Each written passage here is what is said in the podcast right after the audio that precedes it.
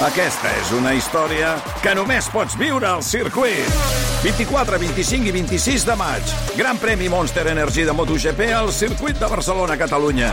Compra ja les teves entrades a circuit.cat. Viu-ho! I dit això, eh, Míriam Díaz, bona tarda. Bona tarda. Què tal, com estàs? Doncs bé, eh, entrefagada.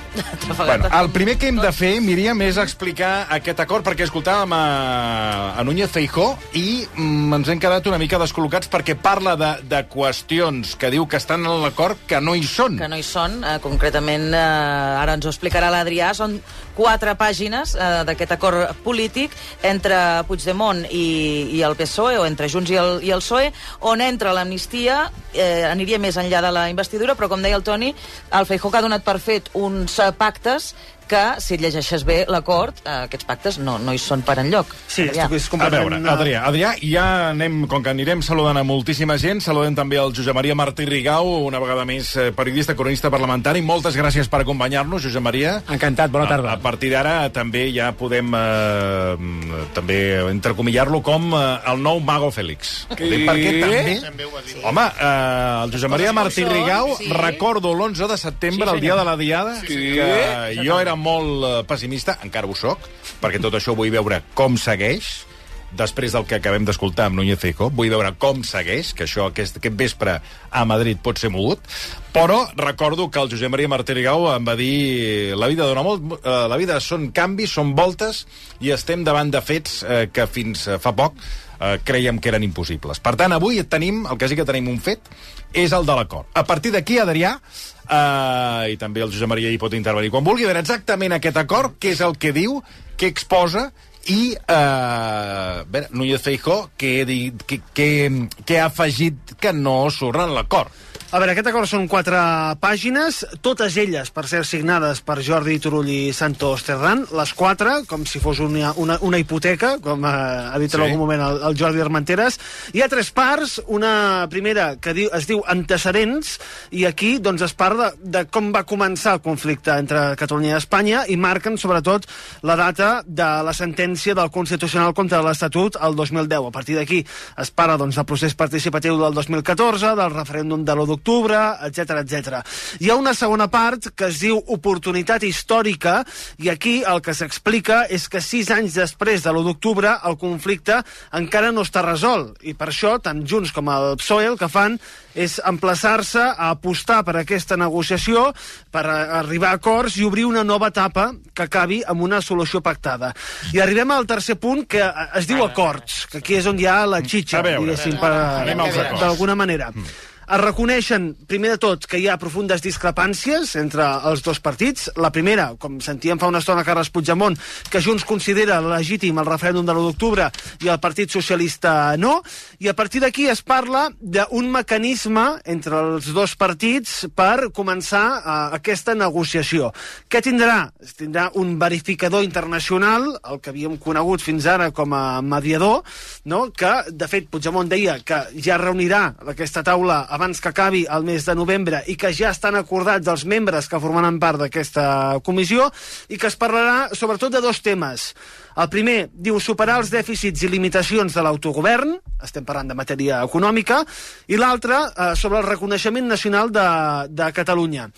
Aquí és on eh, s'agafa Alberto Núñez Feijó per començar a mentir amb el que es diu en aquest acord. Perquè el que s'explica a l'acord és, eh, pel que fa al reconeixement nacional, Junts proposarà, Junts proposarà la celebració d'un referèndum d'autodeterminació.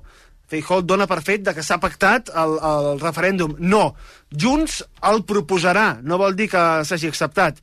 De fet, l'acord diu que el PSOE el que farà és defensar el desenvolupament de l'Estatut i que Catalunya doncs, eh, tingui una certa singularitat.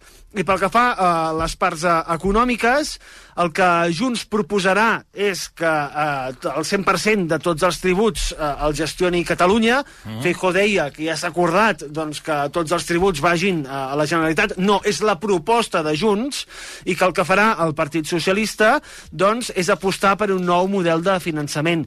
El que sí que els dos partits eh, acorden és que es farà un pla perquè totes aquelles empreses que a partir del referèndum doncs, van marxar a Catalunya i van canviar la seva seu social tornin del, al nostre país.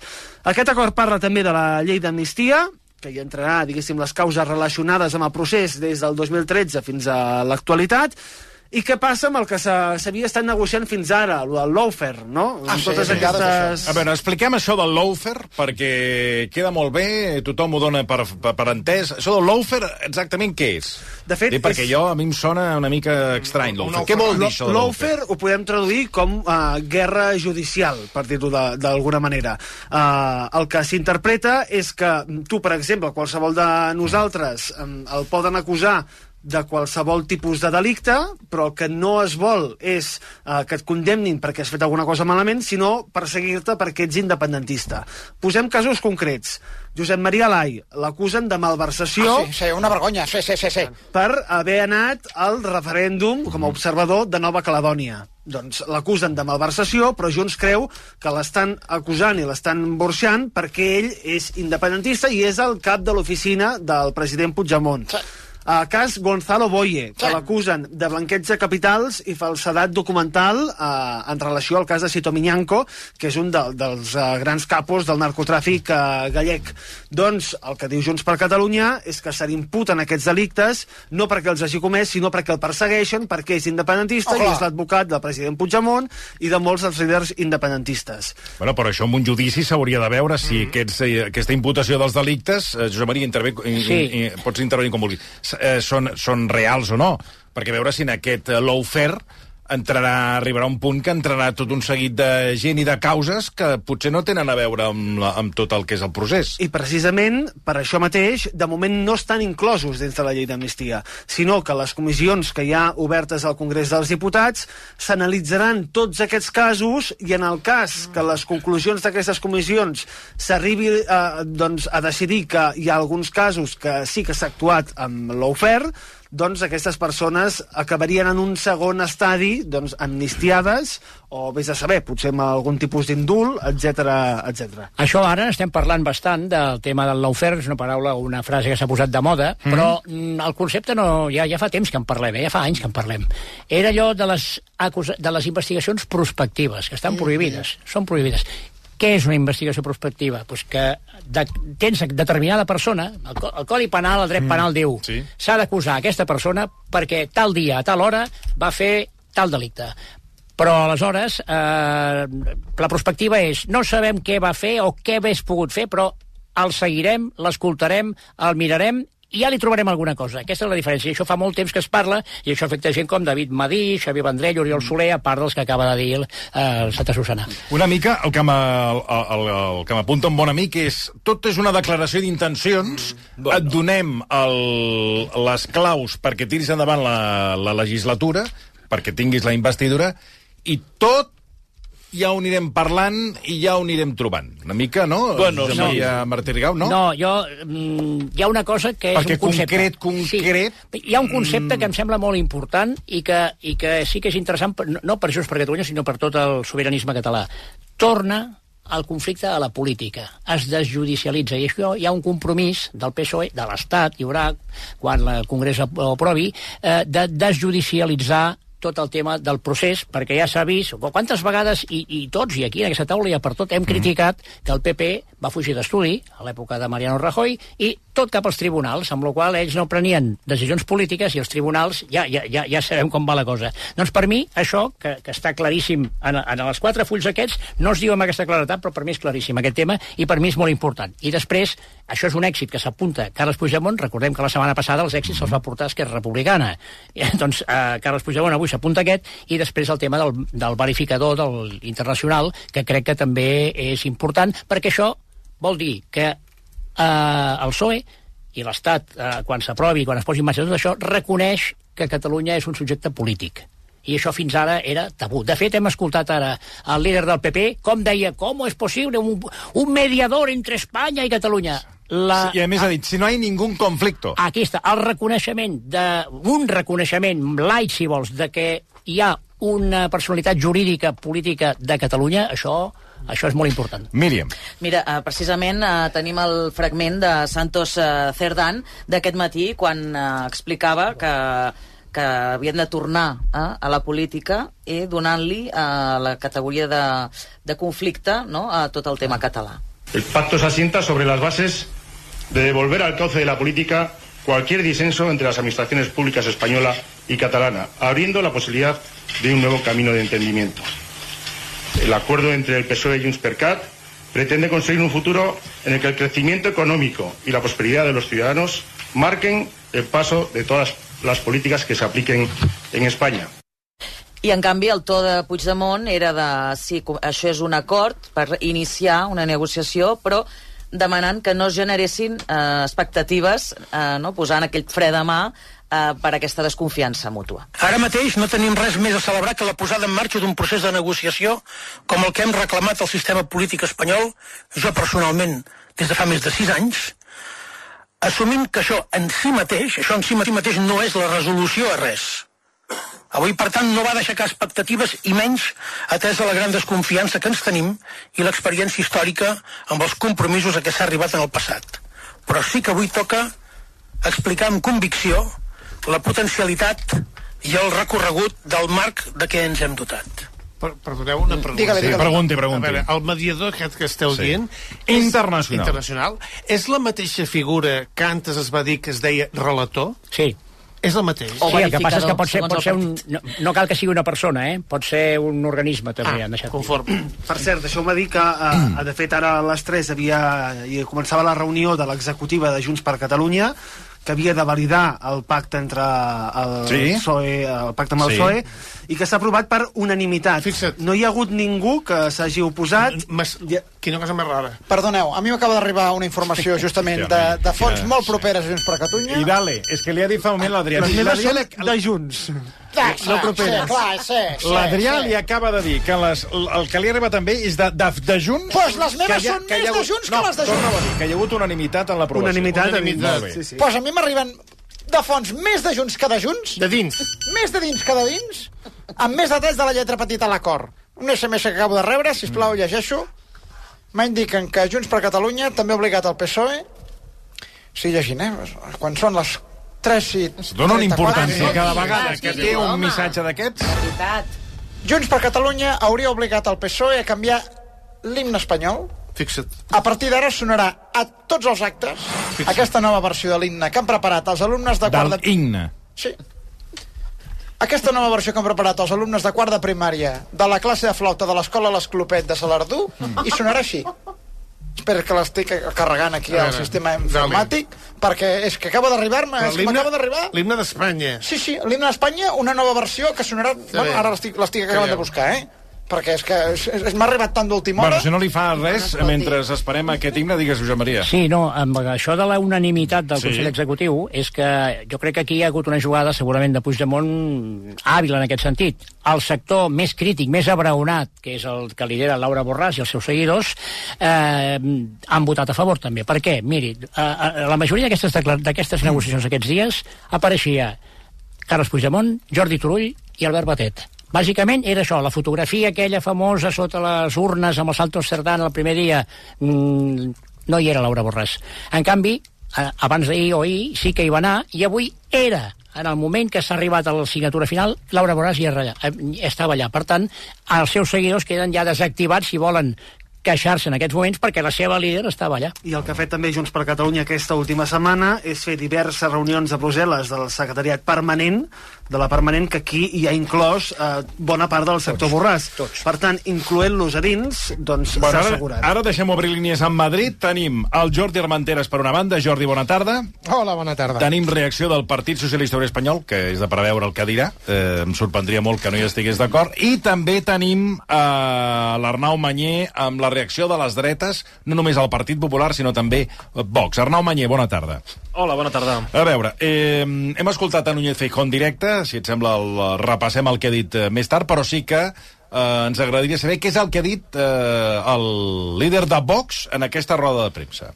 Mira, uh, estem pendents de l'estat de salut de, de l'Ejo Vidal Sí? Quadres, ho explicava fa una estona, exlíder del PP a Catalunya, també fundador de Vox.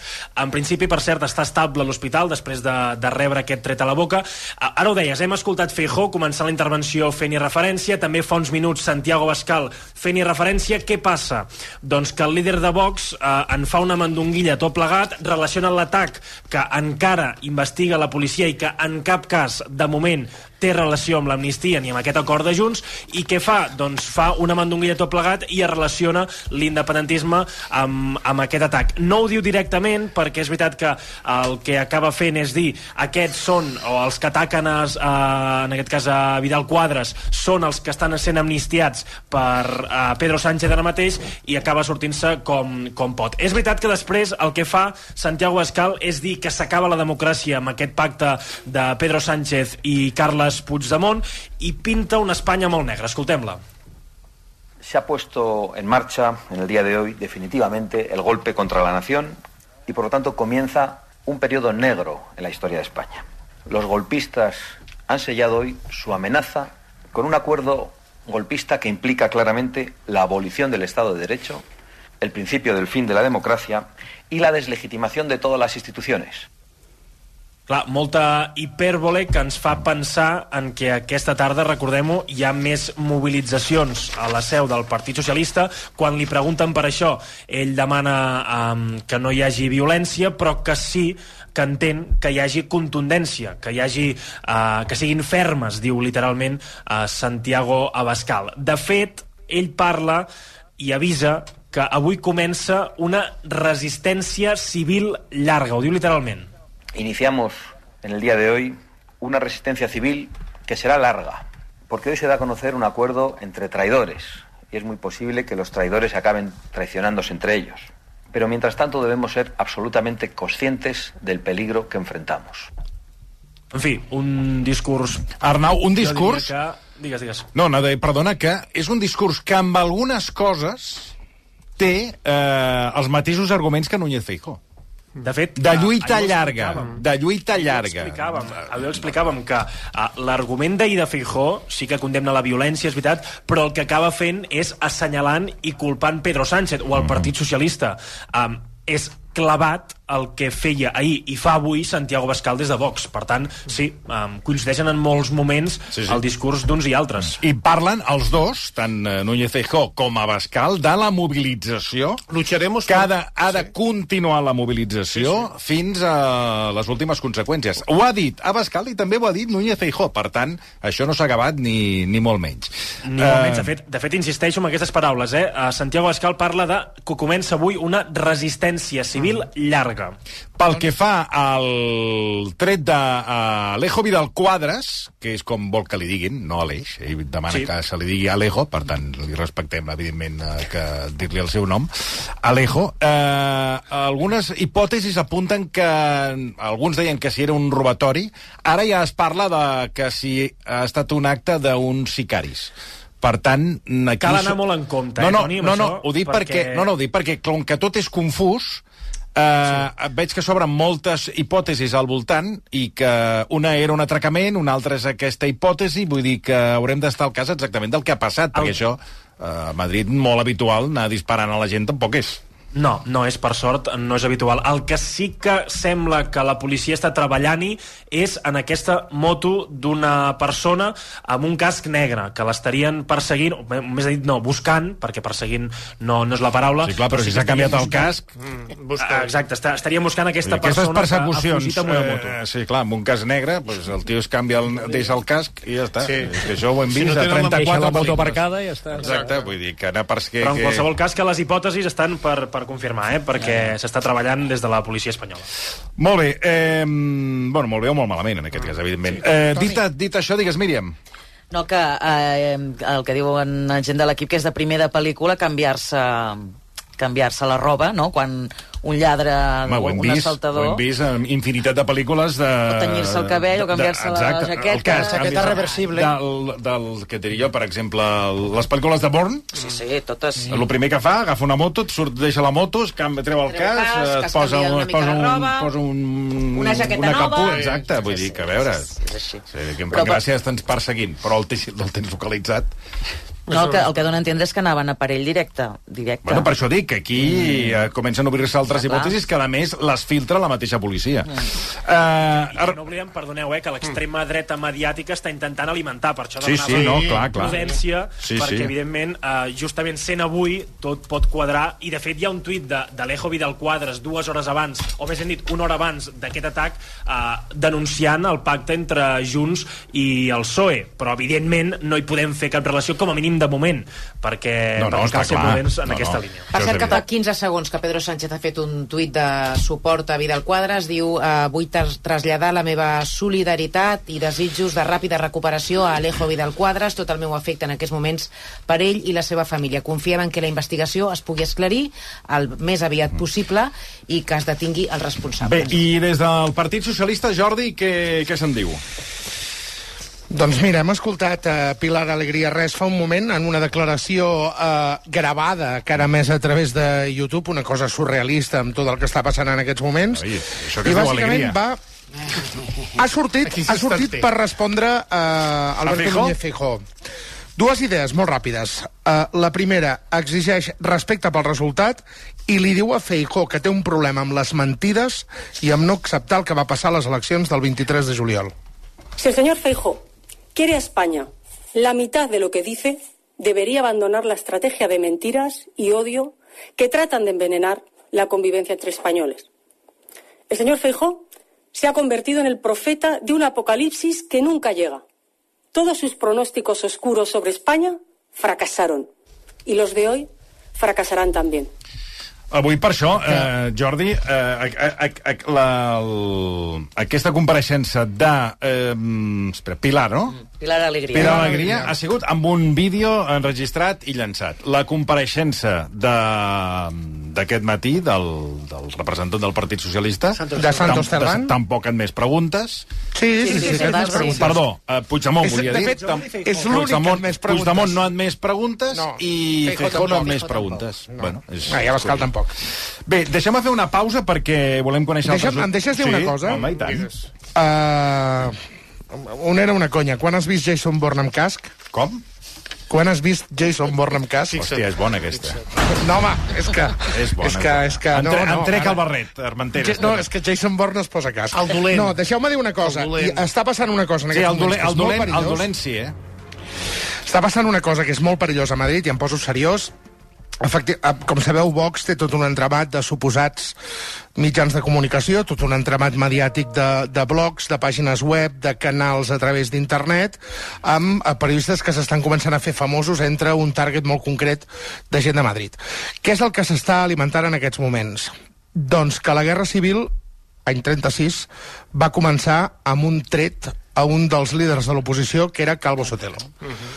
Llavors, eh, aquest és el discurs que està alimentant en aquests moments l'extrema dreta al voltant del tiroteig d'Alejo Vidal Quadres avui a, a, a Madrid. I diuen, la situació és aquesta. Ens diuen que no hem de fer paral·lelismes, però l'any 36 va ser allò, l'any 2023 estem en aquesta situació.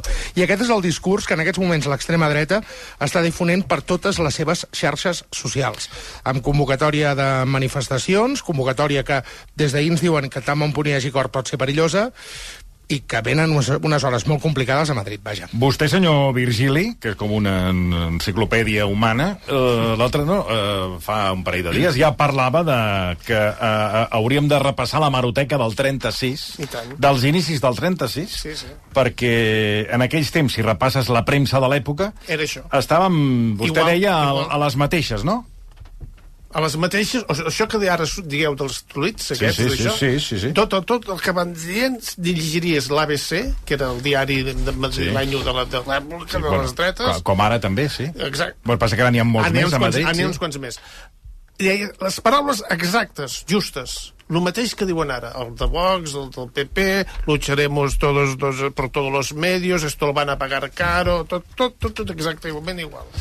Digues, digues, Martí. No, el senyor Marcelí Virgili té més memòria, però em sembla que la- l'assassinat de José Calvo Sotelo venia com a conseqüència d'un assassinat previ Que era el de... a Castillo, un tinent, el tinent Castillo, Aquest, em sembla que era. sí. Era un, un militar que s'havia destacat amb les seves idees republicanes, sicaris de l'extrema dreta el van matar rebutjable un i l'altre assassinat, no? Però vull dir que no va ser el primer assassinat del Carlos Sotelo que va provocar la guerra, sinó que va ser la conseqüència d'un assassinat anterior de l'extrema dreta contra un republicà. Bé, deixeu-me fer una pausa. Res, són eh, 3 minuts. Entre d'altres, prenem nota dels consells d'Iberdrola i quan tornem eh, parlarem, entre d'altres, amb l'Enric eh, Juliana. Fins ara mateix. 10 minuts, arribarem a les 4 de la tarda valorant el pacte entre Partit Socialista Obrer Espanyol i Junts per Catalunya. Recordem que és un pacte entre partits, mm. ho subratllem, i aquí saludem a aquesta hora és el director adjunt de La Vanguardia, el eh, doctor Enric Juliana. Enric eh, Juliana, bona tarda. Molt bona tarda. El vaig veure el, el fa res, em sembla que era un parell de dies al canal 24 Hores, a Televisió Espanyola, eh, posant, posant calma amb el que estava passant a Madrid. No sé, avui que ja és oficial aquest pacte entre Partit Socialista Obrer Espanyol i Junts per Catalunya, en aquest cas Junts, eh, si avui, mm, com m'estic veient a la xarxa, la nit pot ser encara amb, amb més violència que les darreres que hem viscut. A, a, veure, a, a veure, l'ambient en aquests moments està molt més carregat, evidentment, que fa uns dies, perquè fins fa uns dies hi havia l'expectativa que es pogués produir aquest acord, i aquest acord s'ha produït avui, i s'ha presentat avui. Per tant, sí, hi ha més càrrega elèctrica en aquests moments, i el que hem de veure és exactament això amb què materialment en què es tradueix aquest vespre, aquesta nit. Penso que les properes hores són molt importants des d'un punt de vista, és a dir, que els partits de la dreta i especialment el Partit Popular que, que tenen eh, sobre les seves espatlles una responsabilitat molt important és la de eh, fer una crida als seus simpatitzants, seguidors eh, eh, de mantenir un límit. No? La qüestió del límit és fonamental en democràcia.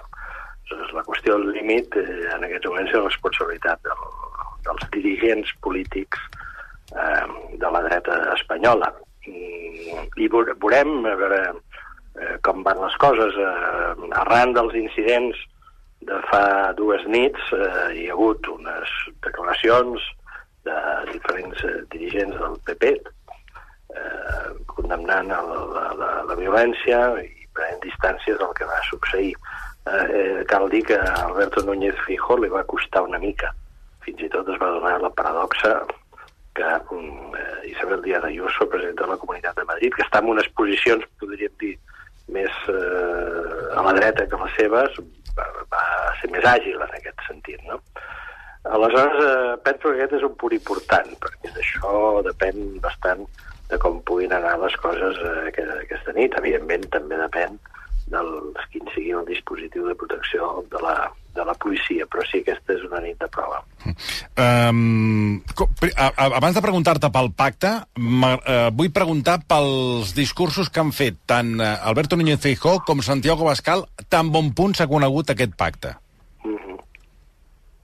Bé, de, no, de, de rebuig. Eh, el PP, aquí hi ha un problema d'escala. Eh? Hi ha un problema d'escala, és que portem ja bastants dies en què s'ha arribat a les notes altes. Eh? I arriba un moment que de les notes altes ja no es pot passar. I, no, per passar de les notes altes es passa una altra cosa que, que cal suposar que, que ningú hi vol arribar, no? És a dir, quan ja has insultat en tota la gamma d'insults que proporciona el diccionari als teus adversaris polítics, eh, què pots fer que no sigui repetir-te, no? Aquest jo crec que és el problema, no? El Partit Popular ha volgut... Eh, el Partit Popular està amb unes contradiccions importants, eh, té Vox al costat, té Vox al costat, eh, han arribat a la conclusió que la seva no victòria en les eleccions del 23 de juliol es deu bàsicament a Vox, eh, perquè Vox, diguem-ne, espanta no? a determinats sectors de l'electorat, no només a Catalunya, a tot Espanya, i que, per tant, el que convé és que Vox desaparegui o quedi reduïda a la mínima expressió. I aleshores entenen que per fer això, en una primera fase, el que convé és que el PP d'alguna manera absorbeixi el llenguatge de Vox, no? I això té uns riscos, que és que això pot retroalimentar eh, a Vox. I en aquests moments jo crec que això està passant, en aquests moments aquests, aquests fets que han passat al vespre, eh, les seus de, del Partit Socialista de Madrid, però també en altres ciutats espanyoles, doncs, protagonista, qui ha portat la, la, la direcció de tot això ha sigut el partit de l'extrema dreta, fins i tot arrossegant darrere seu o competint amb ells en grupuscles que ja estan més enllà, no? Això a Madrid ha sigut ben visible. La, la, la majoria de la gent de Vox no anava a enfrontar-se amb la policia, els que anaven a enfrontar-se amb la policia eren uns altres, perquè estaven allà barrejats tots, tots, tots junts, no? Aquest és, aquest, com trencar aquesta dinàmica, si és que la volen trencar, PP. Aquest, aquesta és una de les, de les qüestions de, de crec que d'aquests propers temps. Ells tenen por ara d'aparèixer com a tous, no? perquè si apareixen com a tous creuen que l'altre creix, però a la vegada si absorbeixen una part del seu llenguatge també poden provocar que l'altre creixi. És un dilema bastant complicat. Però, insisteixo, quan es tenen 11 milions de vots, eh, hi ha una responsabilitat objectiva, no? I penso que en aquests moments, en una situació com la que hi ha ara, la posició que ells prenguin és molt important. I, eh, per acabar, volia preguntar-te pel que s'ha presentat avui, no? pel pacte eh, entre el Partit Socialista Obrer Espanyol i el pacte amb Junts. Bueno, eh, penso que, a veure, a mi personalment, si em fas la, la meva opinió més personal, Sí. a mi em sembla bé. I crec que és una molt bona notícia per Catalunya i una bona notícia també pel conjunt d'Espanya. Eh, I per la pau civil en aquest país i perquè les coses després puguin obrir nous horitzons. Penso que això és important. Mm, El cinema, la, buscar la substància l'acord. L'acord és una barreja de mètode, de- d'acord amb algunes coses i un cert acord de diagnòstic sobre la, la qüestió catalana que em sembla interessant. A mi em sembla que mai el Partit Socialista havia fet, però el PSOE em refereixo, una assimilació o assumpció de determinades idees respecte a la història de Catalunya. Això em sembla important. Dos, un posar-se d'acord amb sobre els desacords que es manifesten de manera explícita en el, en el document, és a dir, estem d'acord en considerar el problema d'aquesta manera, coincidim en alguns punts, no estem d'acord amb la solució i ho manifestem, però estem d'acord amb algunes decisions que poden servir per aquests propers anys. Una d'elles és, és, és, és l'amnistia, però n'hi ha d'altres. No? Aleshores, home, em sembla un, un pacte diguem, basat en una certa orfebre, eh, orfebreria, ja, artesania política en la redacció d'aquest acord, els mecanismes de seguiment, etc. És a dir, per, jo diria que substantivament el que es fa és obrir una nova dinàmica política. Això dit així, ara, a aquesta hora de la ràdio, que són, que són tot just les 4 de la tarda, pot semblar una cosa mica hermètica, esotèrica, críptica i estranya, pròpia de periodistes que fa molts anys que es dediquen a seguir la política, ja ho sé. Eh, una nova dinàmica política, una nova manera de funcionar, una nova manera de portar els desacords eh, endavant i combinar desacords amb acords. Em sembla que això és el que avui s'ha instaurat. En el seu fur intern, el Partit Popular desitjaria estar avui en la posició del, del, del PSOE. Però no poden. Enric Juliana, moltíssimes gràcies pel teu anàlisi. Una abraçada. Gràcies, bona tarda. Molt bona tarda. Adéu. Eh, no sé si el Josep Maria Martí Rigau estaria d'acord o amb algun punt eh, desacord amb el que ha dit Enric Juliana. A mi m'ha semblat molt interessant el, el que ha explicat de- d'aquest equilibri eh, equilibri i desequilibri constant entre el Partit Popular i Vox. És a dir, eh, l'anàlisi de l'Enric Luis va molt Sí, sí. interessant. Sempre, sempre eh, considero que l'Enric Juliana eh, el que diu és molt interessant. Eh, no sé què en penseu la resta, tant el Josep Maria Martí, el Jordi Armenteres a Madrid o l'Adrià, però, eh, clar, aquí l'anàlisi és que eh, les eleccions, el Partit Popular arriba a la conclusió, segons l'Enric Juliana, que la perden per Vox. I ara volen desactivar Vox. Com desactives Vox? Doncs eh, tornant a recuperar els votants de Vox, però els votants de Vox són els radicals, i aleshores és el que deia ell, no?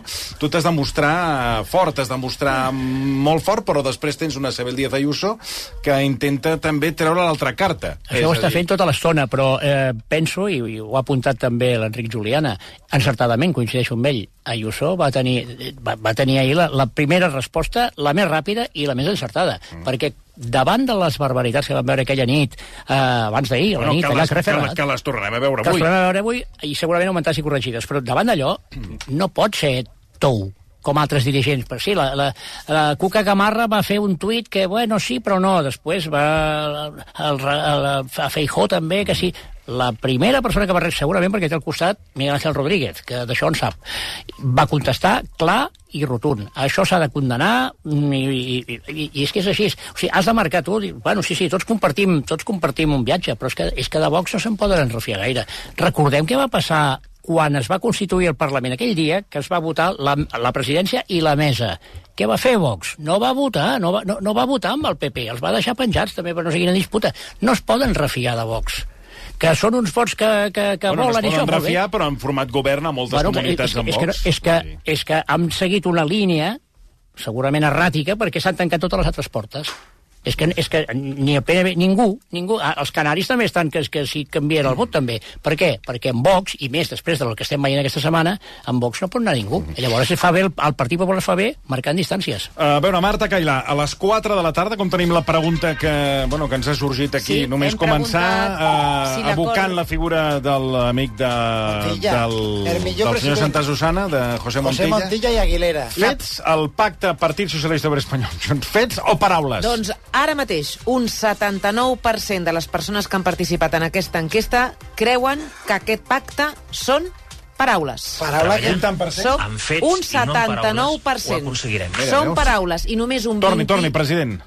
Treballant amb fets i no amb paraules ho aconseguirem. 79% paraules, 21% Bueno, de, fets. de moment, a dia d'avui, clar, són paraules Però Adrià, se convertiran en fe. de- Se de- convertiran en fe. Relacionat amb el que comentàveu ara de les mobilitzacions, Vox ja acaba de convocar manifestacions aquí a Barcelona. A Barcelona, avui, A Barcelona. A la, començarà a les 7 de la tarda a la plaça Artós. Que raro. Diuen que faran un passacalles, Sí. Passacalles. que vol dir que aniran baixant des d'Artós fins davant de la és anar delegació fotent del cleques govern a qualsevol que s'acosti trobi, amb la bandera independentista. I acabaran a les 8 del vespre a la delegació del govern espanyol. Per tant, a veure si el que ha passat a Madrid també es trasllada a Barcelona. Bueno, mentre no passin per eh, plaça Universitat, eh, perquè allò sempre és el punt neuràlgic on, te, ja. on tenim... Sí, bueno, avall, ah, perdoni, eh, recordo una manifestació convocada a la plaça Artós que va arribar i van estomacar amb, si no recordo malament, amb una persona al carrer Provença Balmes. Imagini si va arribar a baix la manifestació. Que anaven per ser encapsulats pels Mossos i no, sé, va la, fer, la no. càpsula va, es va foradar. Eh, jo volia connectar amb Madrid, amb l'Armenteres, per, Sí. per saber, eh, donat que hi ha aquest pacte tancat avui, eh, si ja s'ha presentat algun dispositiu especial de cara a les protestes de- d'avui davant de, de Ferraz, on entenc que combinaran tant eh, votants del PP com de, com de Vox, perquè els dos partits han fet la, la crida.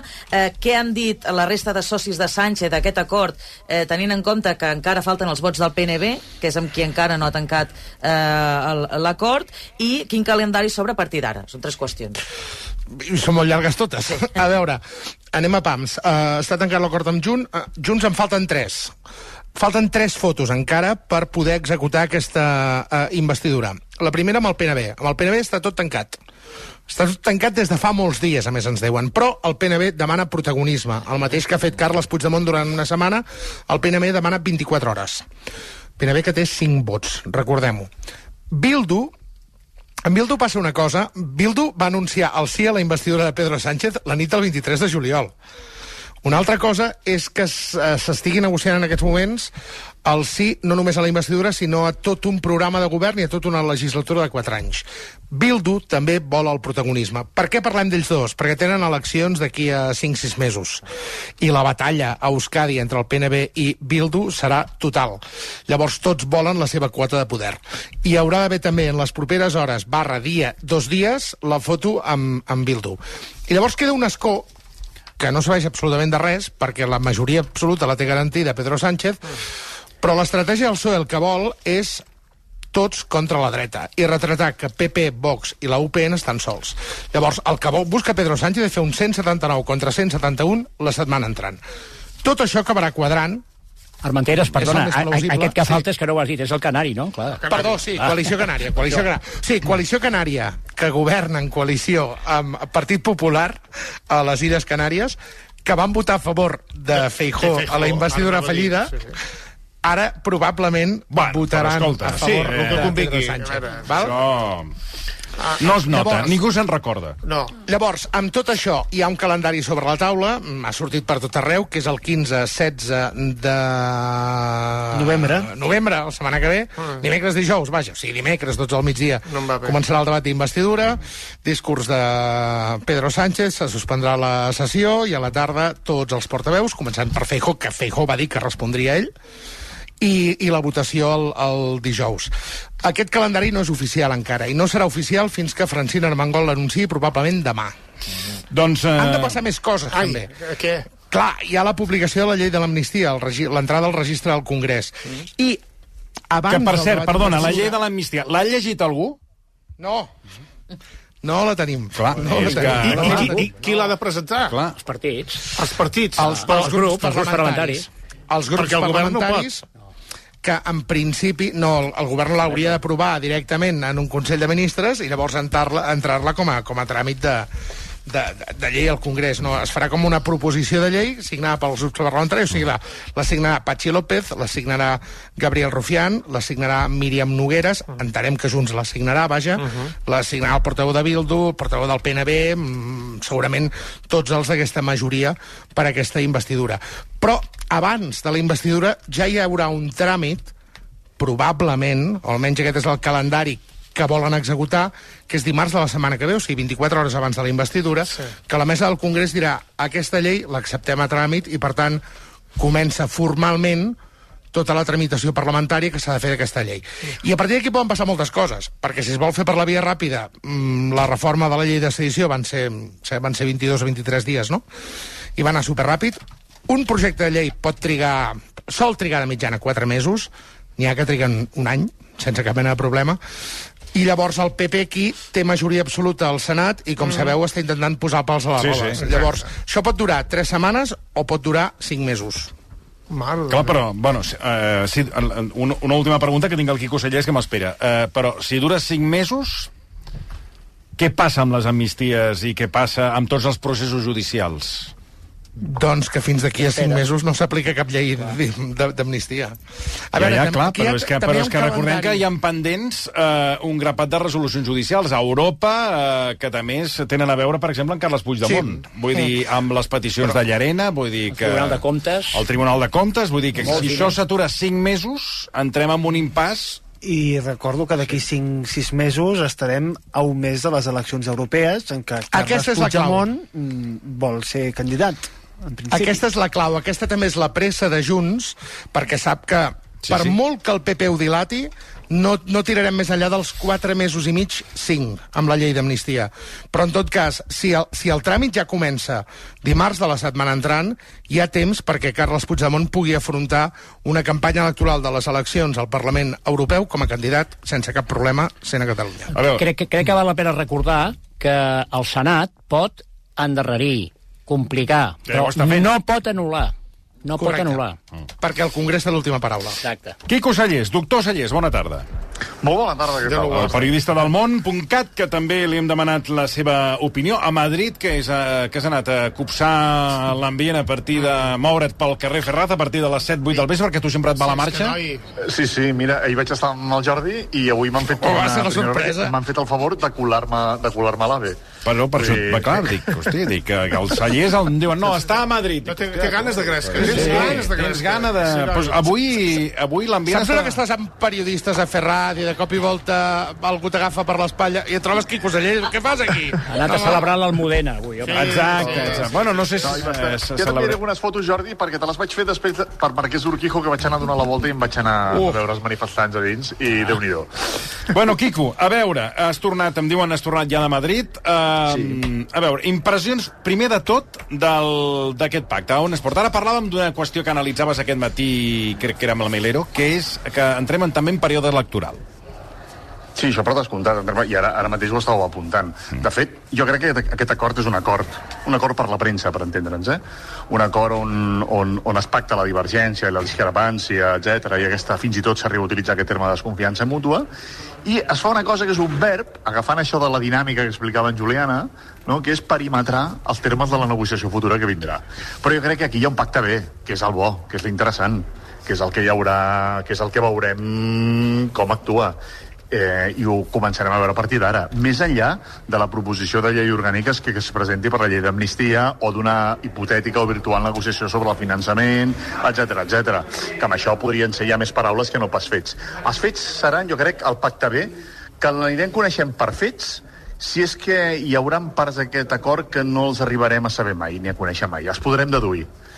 I jo Ara m'has deixat, perdona, Sí, ara, sí. ara ens has deixat aquí... Clar, un pacte eh, B. El, el, el pacte B ens has deixat molt... Sí, amb... el pacte bo. Sobre la marxa. No, no et sentim. Eh, Sí, Deu voler no, dir el pacte bo, l'interessant. El- no? el pacte real. El, el pacte real, o sigui, és a dir, aquest acord el que fa és, aviam, nosaltres... Els fets, i no les eh, paraules. Sí, no? Reconeixem exactament que hi ha un conflicte històric, que això és una cosa... Home, jo crec que a, a, agafar aquest relat dels antecedents i marcar-lo és important, i com també apuntava el Juliana, no? A, a que això ho assumeixi el PSOE, doncs és molt important. I després, això, fer aquest perímetre, què és el que negociarem, aquestes dues coses, no? I d'entrada farem la llei d'amnistia. Si us hi fixeu, la llei d'amnistia, el que parla en aquest punt, fa aquesta cosa, aquesta giragonsa tan extraordinària, tan catalana, per altra banda, de no gens menys, aquestes coses que acostumem a fer amb la literatura política catalana, que és això que diu que les comissions, la lawfare entrarà a través de les comissions d'investigació que s'han pactat l'anterior... És a dir, que això una mica ser- jo crec que serà cas per cas. M'entens? Uh, una cosa serà l'amnistia, que serà una llei general, que s'estan discutint per preposicions, com és lògic, perquè és una llei molt complexa, tècnicament molt difícil. Tens, pot passar com la llei del sí és sí, que cada jutge fa el que li doni la gana. M'explico? Que ara dèiem, quan pot aturar l'amnistia? Oh, mesos això. No, no només això, sinó que, a més a més, aquí es presentarà recurs d'inconstitucionalitat, es presentaran qüestions, qüestions de constitucionalitat per part dels jutges. És més, i com m'ha apuntat ja, per exemple, García Castellón a l'Audiència Nacional, o altres jutges, com el Macías, del Consell General del Poder Judicial, començaran a presentar qüestions prejudicials al Tribunal, al Tribunal de Justícia de la Europea. Amb la qual cosa, la tramitació d'aquesta amnistia pot anar per llarg. El pla B quin pot ser? El pacte B. Escolta, enviar la, a la, al Ministeri Fiscal que afluixi, que rebaixi les seves peticions, que, per exemple, faci el que va fer quan es va modificar la llei, el, el, el delicte de malversació, respecte al judici del Jove i del Salvador, que van dir, escolta'm, com que encara no tenim la, la, la directriu, va demanar un termini de, extraordinari al Tribunal Superior de Justícia de Catalunya per acabar de fer el seu informe, fins que no s'aclarís les coses. M'explico? Sí, guanyar temps. Més pot anar per aquí. Sí, o sigui, pressionar, temps. pressionar la justícia. Pressionar... Sí, més aviat que pressionar la justícia, escolta'm, que no ens ho prenguem amb tant de pressa, anem a veure com ho fem, perquè aquí les coses poden canviar molt. I, però, per altra banda, es trobaran en un sector judicial mmm, que hi ha unes hi ha un sector certament entusiasta molt. que, malgrat hi hagi aquesta negociació de, de, de, de l'amnistia, Sí, tiri milles i, i, i, i comenci a de judicis. I- i ràpid. aquesta mateixa setmana, Sí, eh? sí, i ràpid, Amb i això, ràpid. i- amb, va- vaja, i sense manies. I aquí, clar, hi entren parts importants, com és l'advocacia de l'Estat i el Ministeri Fiscal, que amb això poden ajudar. I després, qüestions, jo crec que més puntuals. Si entrem al terreny del pacte B, imaginem, eh? Posem-nos a Sí, especular, el cas sí. Borràs. Mm. Doncs que això incomoda, per exemple, Junts. Ens diuen, escolta'm, això ja ho redactem de tal manera que no pugui entrar la llei d'amnistia, però aprofitem un fet, no? I el fet és que el mateix TSJ va demanar la sentència a l'indult. M'explico? Llavors, doncs, eh, quan es va dir que es, es va demanar l'indult, el mateix govern socialista, jo vull recordar que va fer el ronsa i va dir que això no ho faria. Doncs ara podem pactar que sí que el tramiti. Sí, I Qui- fins i Qui- tot Quico, si hi hagi una si, petició. Quico, Sí. si em permets, eh, el que passa, la diferència entre, ja ho saps bé, entre indult i, i amnistia és substancial. L'indult implica que tu entris a la presó i una vegada allà sí. demanis sortir. I això, clar, i, i l'amnistia no, és que ja no hi entris. Clar, això és una diferència sí. molt substancial. No, no, no, però home, si poden demanar l'indult ja n'hi entren, eh? És a dir, si és el mateix tribunal que ho demana i es comença van a demanar molts anys, eh? Ja, ja, ja no hi entra. No, de presó no. El que li demanen és l'inhabilitació. Sí, eh, És són diferent. quatre- me- quatre- Vale? quatre Això- anys, si mal no això, Sí, per això, per això havien d'entrar, per això que li diu que la pena es rebaixin a dos anys, així s'evitaran entrar. Clar. És per això, eh? Aquesta, aquesta resolució ja està no queda clar, en, no aquest, queda sen- clar. en aquest sentit. A Quico- I com... Sí, Sí, eh, jo us volia, ja que us tinc aquí el, el Martí, l'Adrià i, a- i a tu, eh, comparant una I mica... l'Armenteres. I l'Armenteres, comparant una mica... I. Eh, el, el que han aconseguit eh, Junts i Esquerra en els seus respectius acords, recordem, eh, l'amnistia d'Esquerra va aconseguir el tsunami, que hi entrés, eh, Junts eh, doncs, eh, promociona que ha aconseguit posar-hi els casos de l'Aufer, eh, les coses materials, Esquerres, doncs, el traspàs de Rodalies, que és el que més eh, doncs, ha, ha promocionat, i a la condonació parcial del deute del Fla, que al final sí que es vol fer amb totes les comunitats, no? Eh, segons el 15.000 pes, milions? Sí. el pes que tingui.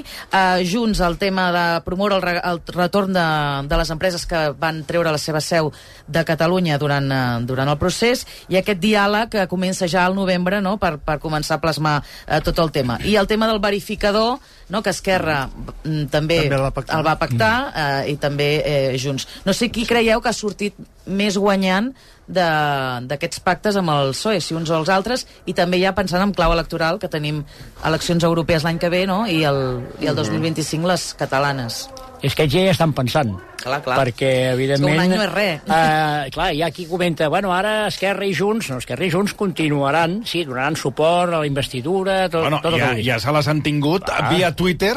El Tardà ja, ja ha carregat contra el pacte de Junts i, si no recordo malament, Carles Puigdemont també en el discurs ja ha deixat anar coses que alguns deien que no que eren eh, impossibles, eh, que Sí. crec que estava mirant a Esquerra. temps, ha dit. Eh, eh, perdona? Quatre anys de perdre el temps. Sí. sí. Eh, vull dir que, a veure, mm, uns i altres no han desaprofitat ni avui per, fo per llançar la pedra. Perquè Esquerra el dijous passat també va dir, escolti, nosaltres sí que hem Perquè Tardà, aconseguit... ara, ara hauria de buscar, busca'm el, Sí, ara- ara el el busco. tuit de Tardà, que eh, ha dit... Allò dels botiflers que botiflers, mal li sí. va Amb fer, 7-8 mesos hi ha eleccions europees i amb un any i un trimestre hi ha les catalanes, que això és el principal objectiu dels dos partits. Ja, aquí, aquí hi ha una qüestió fonamental. El, el Martí Rigau, si no, això, amb això em pot corregir. En, les famoses, en, la, en la famosa història contemporània espanyola, diguem-ho així, no? i catalana, per descomptat, hi ha la, la, la, la tradicional conversa entre el president Tarradellas i uh, Suárez. Sí. Que el Suárez li diu allò, yo soy presidente de un país de 40 millones de habitantes, i el Tarradellas li diu, yo le puedo sacar un millón de personas a la calle. Uh, aquestes circumstàncies ara han canviat molt. Molt, moltíssim. Han canviat històricament, sociològicament, etc. Però hi ha una realitat que és evident, que és que hi ha 14 diputats independentistes a Madrid que, a més a més, estan malavinguts. Molt malavinguts. De fet, no es traguen. Ja, és, això és evident. És que fins i tot jo... Eh, Vaja, no. sembla que l'hem perdut. Eh, hem Mireu, ah, aprofito per llegir el tuit del Joan Tardà, que és Junts per Catalunya, Carles Puigdemont, vosaltres sí que en sabeu, i no com els botiflers d'Esquerra. Pues té raó. Ja ho he dit, eh, van les, eh, les, les, les picabaralles van, van així. Bueno, ara recuperem el, el Quico. Aprofitem per anar a la a publicitat. També saludarem a la Lola Garcia, eh, directora adjunta de La Vanguardia. Ho fem d'aquí, després d'aquesta pausa. A tot això, quan falten 7 minuts per arribar a dos quarts de 5 de la tarda, eh, clar, ha entrat en escena eh, aquest eh, atemptat contra la vida de Vidal Quadres i, eh, Míriam Díaz, tenim alguna última hora al voltant de, dels fets? Sí, perquè hi ha el, eh, el tuit eh, del, del SAMUR de Madrid sí? que ha penjat directament un, un vídeo on eh, estan eh, atenent... Un vídeo? a Alejo Vidal Quadres, és un vídeo de més d'un d'un minut on eh, no se'l veu amb ell, però es veu els, eh, la gent del, Sa- del, del SAMUR mm. doncs, at- atenent-lo i, eh, i fins i tot doncs, posant so de, de dins de la- de l'ambulància. Sábana. El castillo no ha encontrado la... Sábana doblada. No nada com estan treballant els, els infermers Sí, del, és el del nostre, SAMUR, sí, sí. eh, sense veure Vidal Quadres, però és ell el que estan atenent, i després ha parlat la portaveu eh, del SAMUR, que es diu eh, Mari Luz, explicant doncs, eh, què, què ha passat. Sí, hemos atendido a un varón de 78 años que presentaba una herida de bala en eh, región facial. Entraba en principio por el ángulo mandibular derecho y salía por el izquierdo, estable hemodinámicamente, y lo hemos trasladado con preaviso hospitalario. Per tant, confirmant que la bala doncs, li ha entrat eh, per, la, per la galta i li ha sortit, no? De, Eh, sí, deixa'm preguntar a l'Arnau Mañé si hi ha alguna última hora respecte a aquest cas, si hi han localitzat el de la moto amb el casco negre o on som ara? No, de moment, de moment no tenim novetat, no tenim uh, notícia que s'hagi detingut aquesta persona o aquestes persones, no està clar, insistim, en quantes persones eren que anaven a aquesta moto que busca la policia, que en principi això, continuen buscant els autors de- d'aquest tret, els autors de... Perdó, em sentiu bé, eh? Sí, sí, et sentim. Sí, sí, Ah, sí, perdona, sí, he sentit, sí. he sentit que es tallava com el, el so de fons. No, no, no, és que he, he tallat el micròfon de Vale, l'estudi vale. perquè li havia de preguntar una cosa a micro tancat a la Míriam D'acord, Díaz. disculpa. Saps? Ah, no, el que dèiem és això, que estàvem continuant buscant, la policia continua buscant aquesta persona o aquestes persones que haurien fugit en moto eh, amb aquest casc negre. Tot i això, l'extrema dreta, que insistim, ja intenta relacionar eh, aquest, eh, aquest cas amb el tauler polític d'avui, però de moment, fonts oficials de la policia que no confirmen ni desmenteixen res més sobre aquest cas. Insistim, aquest atac a Vidal Quadras. Molt bé, Arnau Manyer. Estàvem eh, parlant eh, amb el Quico Sallés d'aquesta lluita que, com deia el Josep Maria Martí Rigau, fins i tot en el, el que ha estat la compareixença de, de Puigdemont i a l'Adrià Santa Segona també en feia referència, no ha descuidat de llançar doncs, això de quatre anys perduts, o sigui, un míssil a, a Esquerra Republicana, i aleshores Joan Tardà, com deien, també ha aprofitat la vinentesa, ha Sí. fet un tuit que l'estaven buscant, Bueno, que ara ja ara el torno a buscar, però vaja, venia a Vaja. dir, vosaltres ho heu fet molt bé, no com els botiflers d'Esquerra. Molt bé. Eh? Eh, és a Vosaltres dir, avui, avui també eh, han aprofitat la vinentesa per eh, hostiar-se uns amb els altres, parlant així. Eh, De fet, ara estava revisant les notes de la compareixença de Carles Puigdemont i hi ha una frase també en relació a això que diu la canvio de nada, de, la canvio de nada avui se'n va a la paperera de la història. A veure, eh, estàvem parlant d'això quan s'ha tallat amb el Quico Sallés. Per tant, eh, Quico, no perdem pistonada ni avui per anar tirant-nos eh, per anar tirant-nos els trastos pel cap. Això per descomptat, eh? ja, com us deia, eh? són 14 malavinguts allà a Madrid, però és que a més a més jo crec que cap dels dos ara està en posició de dir que ha tret més rèdit o no d'aquests acords. Primera, perquè són acords que estan sobre el paper. I després l'aplicació d'aquests acords. Aviam, si tenim... Hi ha, hi ha una qüestió aquí que serà fonamental, que és la presentació de la llei d'amnistia. Les rodalies i tal, és una qüestió, saps, que l'any 2030 s'acabarà principi, estiguin uns o els altres, val? Uh, uh, però el, el, el, la qüestió de la llei d'amnistia, aquí està la clau, que és el problema de l'article 1 i la clàusula F. D'acord? Uh, aquest primer article és el que estableix qui entra i qui no entra i qui queda exclòs i a més a més amb aquesta interpretació que es pugui fer sobre la, mm, això que comentàvem del tsunami democràtic. Quan Esquerra comenta que nosaltres hem assolit que entri tsunami democràtic, ve García Castellón i s'ho carrega, fent una mm, maniobra, jo crec que mm, una mica marrana, val, amb la directiva de la Unió Europea, que ells mateixos havien inclòs en l'apartat 1, en, en l'article 1 d'aquesta mateixa llei, en excloure aquells delictes que tinguessin alguna imputació de terrorisme segons la directiva europea, que és la 510-2017, que és la que s'aplica en aquests casos. Després, sobre la lawfare, eh, famosa per part de Junts. De fet, la llei encara no s'ha presentat i aquí ja anem a jugar un lloc de proposicions. Preposicions que vol dir que amb un test normatiu canviar una A per una D o per un PO, per un POR o per un ID, que és aquest el problema on s'estan trobant, pot canviar absolutament el sentit. Què ha passat? Bolaños aquí ha utilitzat totes les seves artimanyes per intentar jugar en Jaume Asens, els, els, els assessors d'Esquerra, els assessors de, de, de Junts, perquè eh, jo crec que tampoc el PSOE era conscient de l'abast mm, i de la intensitat del nivell repressiu que havia patit el procés independentista.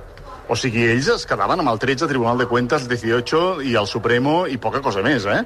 Vull dir, a partir d'aquí, tot l'altre, delictes d'ordres públics, eh, eh, el, el que podríem dir l'oferta d'altres que els hi han aplicat desobediències, al cas de l'Associació Catalana de Municipis, al cas de Lluís Escolar, tot això ni els hi passava pel cap incloure-ho com, un, com un procés de resolució. I quan tu veus l'esborrany del text de la llei d'amnistia, clar, és orfebreria fina, perquè és una llei d'amnistia general que no pot ser personificada i que aquí és on entra el pla B. És a dir, hi haurà molts casos que possiblement nosaltres no podrem veure reflectits en l'articulat d'aquesta llei, però que en el pacte B es podran arreglar o mirar d'arranjar d'alguna manera més determinada. Fins i tot, jo crec, eh, jo arribo a pensar que hi ha tipus d'acords eh, polítics, més enllà de que algú no es presenti, eh, eh, m'enteneu? O que es presenti només en unes determinades eleccions i això t'ho facilitarem, perquè jo vull recordar, per exemple, quan el Puigdemont, quan el mm, Carles Puigdemont va intentar presentar-se a eurodiputat, eh, la primera resolució de la Junta Electoral la va deixar fora, que van fer aquella llista de Estrambòtica, mm, sí. Xavier Trias, Beat Alegón i Gonzalo Boye. Vull dir, aquestes coses que només hem vist en el procés, saps? Uh, uh, per tant, jo crec que ningú està per cantar victòria ara com ara, eh? amb, amb els resultats que tenim a la mà. Però aquest, Veurem pla, aquest com pla B, eh, clar, no, no l'has vi- l'has vist, tu? No, ell eh, el, el, el, el dibuixa, el dibuixa. Eh, Sí, el que, jo, jo alguna cosa, per exemple, la, la llei d'amnistia jo crec que serà la clau, la clau de volta de tot plegat, per veure quin és realment la intensitat i la seguretat. Ojo, quan tens una part important de la judicatura en contra, una part important del Ministeri Fiscal en contra i una part important del que són els poders de l'Estat en contra. I això vull dir eh, cossos i forces de seguretat de l'Estat, eh, m'enteneu? Hi ha tota una amalgama aquí que caldrà anar jugant i molt perquè són sectors molt poderosos i que poden afectar molt i per això han de treballar molt fi i aquí és on aguanten. I jo crec que cap dels dos pot dir a hores d'ara que, que escolta'm, mm, són mejores que nadie. Esquerra ha tret un avantatge competitiu, jo crec, que ha estat el quien, quien da pronto de dos veces, no?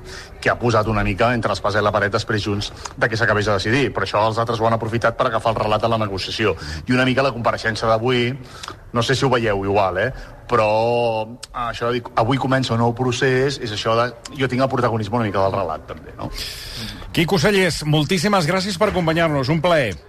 A vosaltres. Gràcies, bona Una tarda. abraçada. Obrim línies amb uh, la subdirectora, la, la directora adjunta de La Vanguardia, i és la Lola Garcia. Lola, bona tarda. Hola, bona tarda. Parlàvem amb, ara amb el Quico Cellers de veurem com es desenvolupa tot. La primera qüestió és uh, l'altra cara, és a dir, el que seria l'Estat, Um, no sé com reaccionarà quan diem l'Estat, són aquests poders fàctics que ara fa, feia un moment eh, comentava el Quico Sallés, no? la justícia, tot aquest poder que no es veu. Fins on, fins on creus que pot arribar eh, per reaccionar a aquest pacte que va en contra, fins i tot, per exemple, de persones o figures com la de l'expresident del govern espanyol, Felipe González? A veure, jo crec que eh, les coses s'han de posar en, el seu just, eh, en la seva justa mesura. Això és un pacte entre partits, eh, que després potser eh, després tindrà un reflex al, al Congrés dels Diputats en forma de eh, llei d'amnistia per una banda i d'una certa col·laboració que s'obre ara entre els grups parlamentaris i entre els partits polítics per, per iniciar una legislatura. Eh, després hi ha un poder judicial que no és que estigui ocult, està ben present, que, que, que manté un pols amb, amb el- amb l'executiu, amb el poder executiu, perquè considera que s'està legislant d'una manera que, que d'alguna manera eh, fa una esmena a tota la seva feina fins ara en tot el que té a veure amb el procés siguin els, eh, el judici dels líders independentistes o sigui, per exemple, doncs, totes les causes que hi ha pendents sobre aquest tema. I, i, eh, o sigui, no, mm, no crec que hi hagi res més. Després, dintre de cada partit, això té un recorregut o té un, una assimilació millor o pitjor. Jo crec que els socialistes eh, doncs, han donat mm, un, un, un missatge que, que estan bastant, bastant units amb la consulta que va haver-hi, que encara que la pregunta fos una mica eh, estranya o light, mm, tothom sabia que estava votant allà, i, i per tant, doncs, que Felipe González digui el que digui, crec que té una rellevància bastant menor. Mm. I després, doncs, el PP sí que està fent una campanya en contra, que, que ja veurem fins a quin punt pot eh, manegar fin, eh, la, la seva relació amb, amb Vox, no? que, que és complicada. Veurem diumenge vinent hi ha una manifestació, hi ha moltes manifestacions convocades pel PP, jo crec que han, que han canviat la idea inicial d'una manifestació a Madrid per moltes manifestacions a les, a les places de les, de les ciutats, perquè, perquè una manifestació a Madrid, al cap i a la fi, doncs si no aplegues moltíssima gent,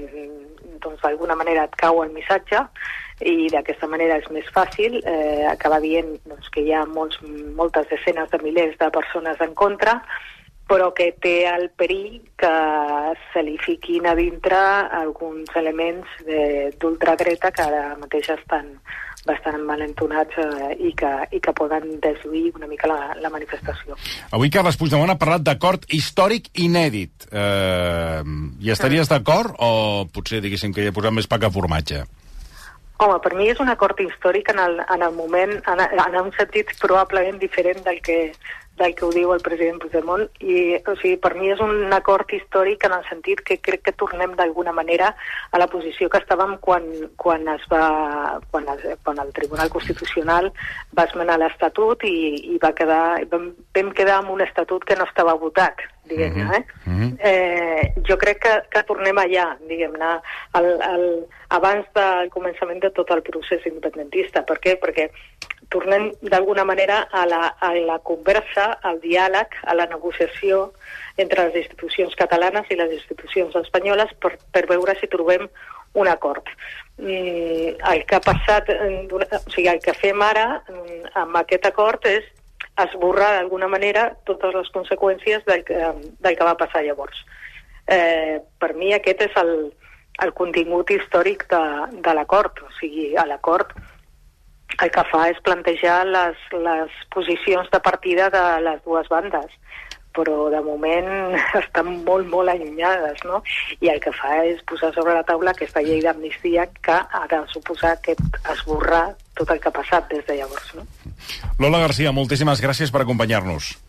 Gràcies a vosaltres. Gràcies, bona tarda. Bé, eh, tenim una connexió pendent que és amb el Lluís Tobar, eh, no sé si el, el tenim en línia, eh, d'aquí uns moments parlarem amb ell, perquè aquí hi ha un comissari, eh, Josep Maria Martí Rigau, que ha demanat eh, un seguit d'explicacions Sí, el comissari... al- a Espanya, al govern d'Espanya, El eh, comissari Reinders, que... perquè vol saber exactament aquesta amnistia de què va. ha demanat informació al govern espanyol sobre aquesta eh, llei d'amnistia i ha rebut la resposta del govern espanyol a, a través d'una carta també dient que estan en funcions, que això és una cosa de partits i que quan Exacte. eh, doncs estigui el tema fet eh, que el senyor vicepresident Bolaños doncs el rebrà amb, amb, amb, tota, amb tota l'amabilitat. Us ha és un- sorprès és un, tema de eh, partits. aquesta petició de- d'un comissari? So que Europa ens mira, eh, però veig que mira quan, veure. quan No, li interessa. fet, és que eh, quan qui- interessa, no Qui mira. publica primer tota aquesta carta és l'Adrián Vázquez, uh -huh. que és el, el líder de Ciutadans a, a,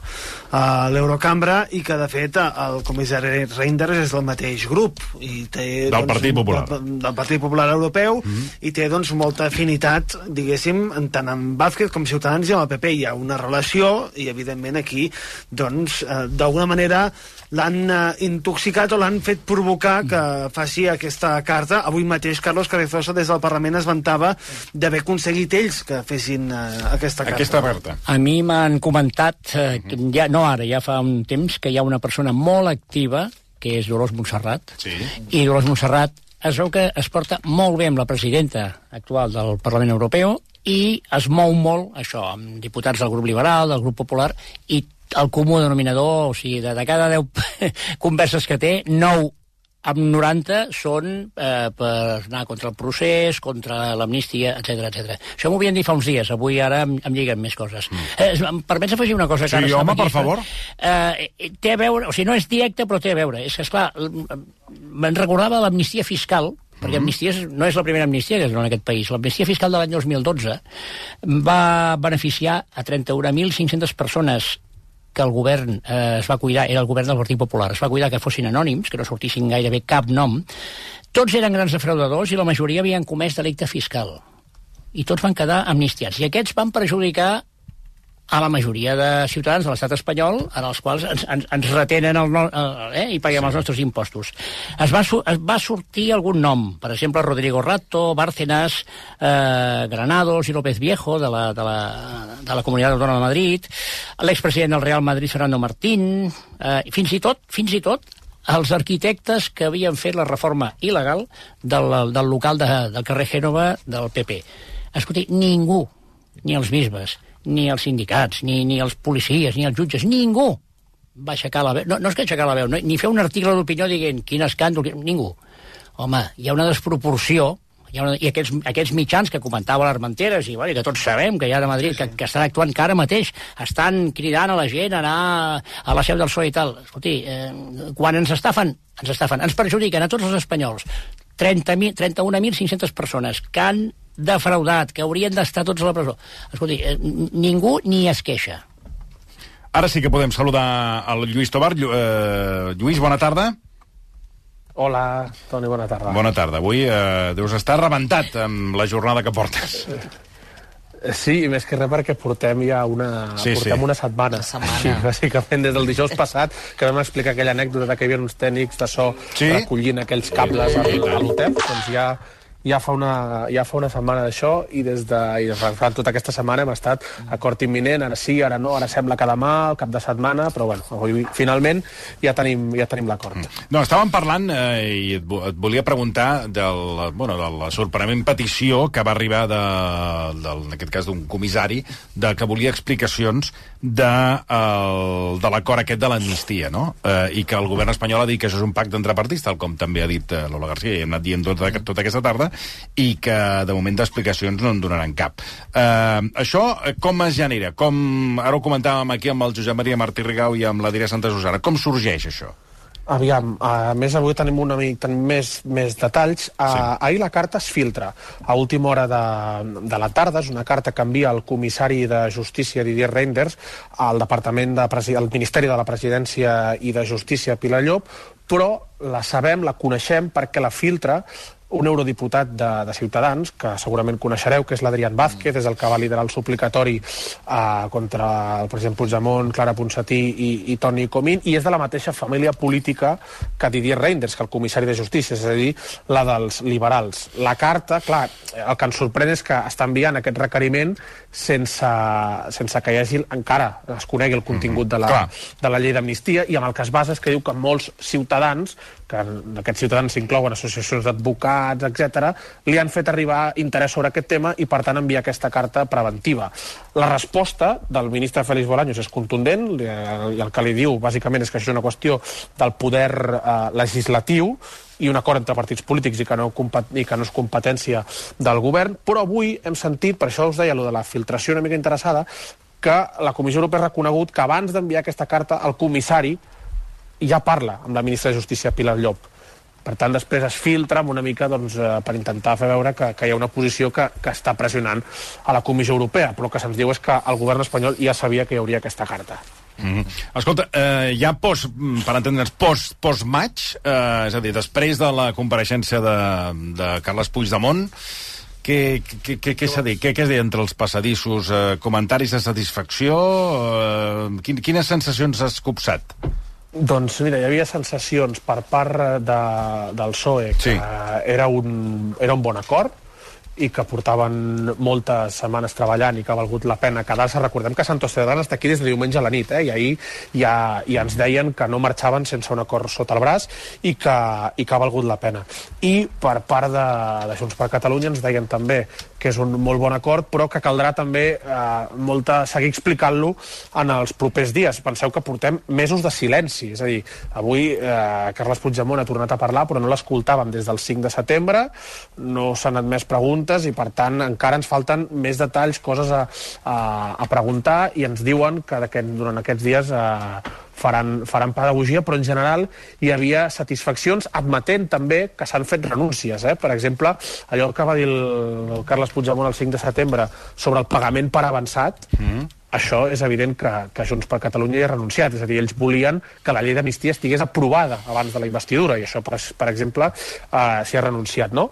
Conscients d'aquestes renúncies, però, en general hi ha satisfacció, sobretot perquè, perquè diuen que s'han fet passos que fa 3 anys haguessin sigut, fa 3 anys i fa dos mesos, haguessin sigut del tot impensables. Ara que parlaves de, de Carles Puigdemont i que no l'escoltàvem des del 5 de setembre, eh, avui sí que hi ha... És a dir, no hi ha hagut eh, fotografia entre Santos Cerdán i, i mm, Carles Mm, Puigdemont, no. ni Jordi Turull? Això, això està, ha estat pactat, això. Cap fotografia. És a dir, cap fotografia perquè, eh, com que estava pactada que primer es compareixeria a Santos Cerdán i després ho faria Carles Puigdemont, des de Junts per Catalunya el que volien era que la fotografia fos la compareixença del president Puigdemont i que cap altre, és a dir, que no tot es quedés amb una imatge de dues persones eh, firmant quatre papers, sinó que volien la imatge d'ell sortint a explicar el pacte i res més. I aquest és l'acord que s'ha arribat amb el Partit Socialista, l'han acceptat, i per tant no hi ha Però en canvi amb Esquerra sí que fotografia Bolaño i Oriol Junqueras sí que es van donar la mà. Va ser un, Sí. una, una, una fotografia i una estratègia diferent. Vull dir, és més, va ser la fotografia del dia següent a molts mitjans. Vull dir que no acabo d'entendre eh, bueno, aquests diferents criteris. No sé, el món de la política, qui l'entengui que el compri. Eh, I també parlant d'això, doncs, eh, Santos, eh, Santos Cerdán, que ha permès preguntes als periodistes, Puigdemont no n'ha deixat fer ni una, i Feijó tampoc. Vull dir que aquest seria un punt negatiu avui en la jornada, que només les ha permès el Santos Cerdán. Eh... L'última vegada que va admetre preguntes al president Puigdemont va ser el 5 de juliol, sí, sí. després de la sentència que, home, del Tribunal avui, General de la Unió avui Europea. crec que hauria d'haver admès Avui era el dia. Jo crec. Avui era el dia, sí. Eh, tot i que no es pot dir segons què, perquè de seguida se't tiren a sobre, però les coses com són. Avui ell hauria d'haver eh, permès preguntes i hauria d'haver respost les preguntes. Crec que aquí eh, ha fet un flac favor no només al, als periodistes, sinó també a la ciutadania, perquè al final també tens tot el dret a preguntar coses del pacte d'aquest document que tampoc és que sigui molt aclarit. I, i, I el curiós és que eh, qui tenia més dificultats eh, per justificar el seu relat segurament és el Partit Socialista, que són No, no, els únics i, i ells que han, han sortit a donar explicacions. Ah, és que és això. Uh, Lluís Tobar, et deixem descansar. Moltíssimes gràcies. Gràcies a vosaltres. Adéu-siau. Bé, eh, com s'ha viscut tot això des de Madrid? Hem parlat amb Enric Juliana i ara qui volem saludar és el periodista Jesús Cintora, autor, entre d'altres, de llibres com No quieren que lo sepas. No sé si ho voldran saber o no, o no us voldran assabentar. Jesús Cintora, bona tarda, buenas tardes. Buena tarde. Uh, lo que creo que sí que está claro es que algunos, ni explicándolo, ni, ni, ni queriéndolo, querrán saber nada de este acuerdo, ni de lo que supone eh, este, pacto de la amnistía, ¿no? Lo digo porque entramos eh, cada vez en una polari- polarización de la política española. Bueno, es un clima político peculiar, eh, incluso yo diría que muy enrarecido y a veces peligroso, porque aquí en Madrid es evidente que llevamos varios días de movilizaciones con presencia de fascistas en las calles, eh, protestas que muy probablemente se van a repetir esta noche y que no sabemos cuándo terminarán, incluso en frente de la sede de un partido político como es el Partido Socialista, ¿no? Eh, y también es verdad que, bueno, pues yo creo que lo que se ha presentado hoy da pie a una legislatura, a un gobierno, muy probablemente, pero también es cierto que deja abierta la estabilidad, es decir, deja abierto, y el propio Carles Puigdemont se ha encargado de decirlo, ¿verdad?, que en función de lo que vayan cumpliendo, pues eh, se garantizará o no esa estabilidad. Es decir, es un tiempo para la política eh, en el Estado eh, que, vamos a ver, hay cierta inestabilidad, es evidente. Habíamos visto experiencias del tipo PP o PSOE pactando con CIU o con el PNV, incluso otros partidos de la Comunidad Podemos, se añade ahora la fórmula de también meter a Junts en la ecuación, y vamos a ver hasta qué punto eh, Sánchez, ese funambulista de la política, consigue tenerlos a todos embridados, contentos para que se mantenga la estabilidad del gobierno durante cuatro años, como ha dicho Santos Cerdán. Cerdán al que, por cierto, conozco bastante bien porque es prácticamente de mi pueblo y he coincidido con él bastantes horas en tiempos en los cuales no era tan conocido y ahora de repente ha salido a la, a la palestra y, y bueno, y es uno de los, sin duda, de los hacedores de este pacto, ¿no? Sí, sí, y que ha tenido que dar la cara y explicaciones, eh, que incluso lo hemos visto en algún momento un, un poco incómodo porque no, es- no, no, no está muy acostumbrado. Efectivamente, Santos Cerdán es un... eh, Yo le conozco, he estado en su pueblo incluso con él porque somos de al lado. Yo soy de un pueblo que es Agreda, que es Soria, pero está en la frontera con Navarra y de mi pueblo al suyo hay, hay media hora. Y yo he estado con él cuando no era tan conocido. Él es un hombre además de política de pueblo, su padre ya lo fue, eh, fue alcalde en, en Milagro, que es de su pueblo, y es una persona que ha sido siempre muy importante, pero en la sombra, por ejemplo, para los acuerdos, tanto con la izquierda Berchale como con el PNV. Pero importante con, en Navarra con la izquierda Berchale. Y ahora le ha tocado eh, pues eh, jugar este papel eh, con Puigdemont eh, y con Junts per Catalunya. Es una de las personas más leales a Pedro Sánchez durante mucho tiempo, uno de los fontaneros de, de Ferraz, a quien le confió mantenerse en el, en el partido y llevar el partido. Siempre el que manda, evidentemente, es Sánchez, eh, pero eh, Santos, digamos que es una de las personas que mantiene eh, como peón dentro del Partido Socialista y una de las personas más leales. Y efectivamente no es un orador ni es su especialidad, pero sí que es un negociador y una persona bastante conciliadora. Y bien vista, por cierto, por el entorno independentista, pues eh, tanto catalán como, como vasco. Eh, hablabas de, que habrá, lógicamente, habrá, lógicamente, porque lo hemos oído, sobre movilizaciones de la derecha española. Coca Gamarra ha afirmado que el acuerdo entre Junts y Partido Socialista Obrero Español marca un antes y un después en la democracia española, eh, porque este acuerdo, la amnistía, supone deslegitimar la democracia. Eh, Enrique Juliana decía que mm, ya se ha llegado a un punto que cuando la nota es tan alta en las, eh, las actuaciones, en las acciones, es difícil dar eh, otra nota aún más alta. No sé por dónde crees que pasan las nuevas movilizaciones, mm, ya no tan solo de, la gente en la calle, sino a través de otros mecanismos del, Estado. Mm, Vamos a ver, para la derecha es evidente que, a mi modo de ver, en buena medida se están equivocando porque tienen una buena parte de la oposición hecha simplemente con mostrar lo que decía Pedro Sánchez y lo que ha hecho ahora. Y eso para la gente, pues para una buena parte del electorado, cala, y cuidado. Pero lo que pasa es que la derecha y la extrema derecha se han lanzado a una carrera en la cual efectivamente pues eh, todas estas hipérboles, pues un día nos dicen, como ha dicho Yayuso, ¿verdad?, que estamos ya en una dictadura, otro día nos dicen poco menos que falta decir ya que estamos en guerra, porque después de habernos dicho ya que estamos en la dictadura, no sé qué queda, o decirnos que yo que sé, que llega la hambruna para todos, o que nos van a confiscar, bueno, hubo un tiempo en el que decían que si gobernaba PSOE y Podemos podían confiscar incluso alguna vivienda o, o habría cartillas de racionamiento, se oía en alguna tertulia, ¿verdad?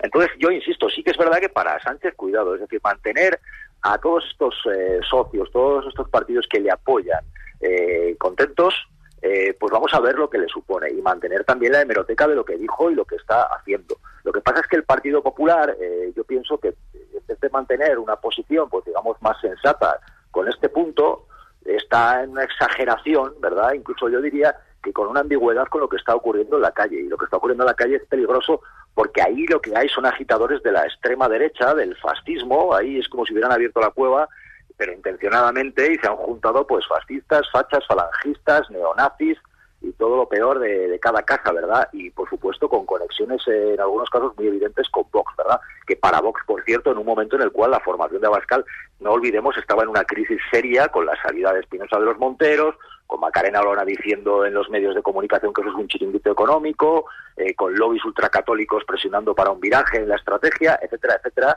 y ahora se han echado al monte con esto de, la, de las movilizaciones, y Feijó, pues obviamente yo no le veo muy cómodo. De hecho, Feijó, una persona, yo creo que un estadista, eh, cuando sale a condenar, como pareció que salía ayer, no puede hacer, y esto lo aprendimos ya hace tiempo en el Estado, no puede meter, creo yo, en la misma intervención la condena a la violencia y decir que el presidente del gobierno es el principal responsable de lo que pasa en España. El principal responsable de la violencia es el violento, siempre.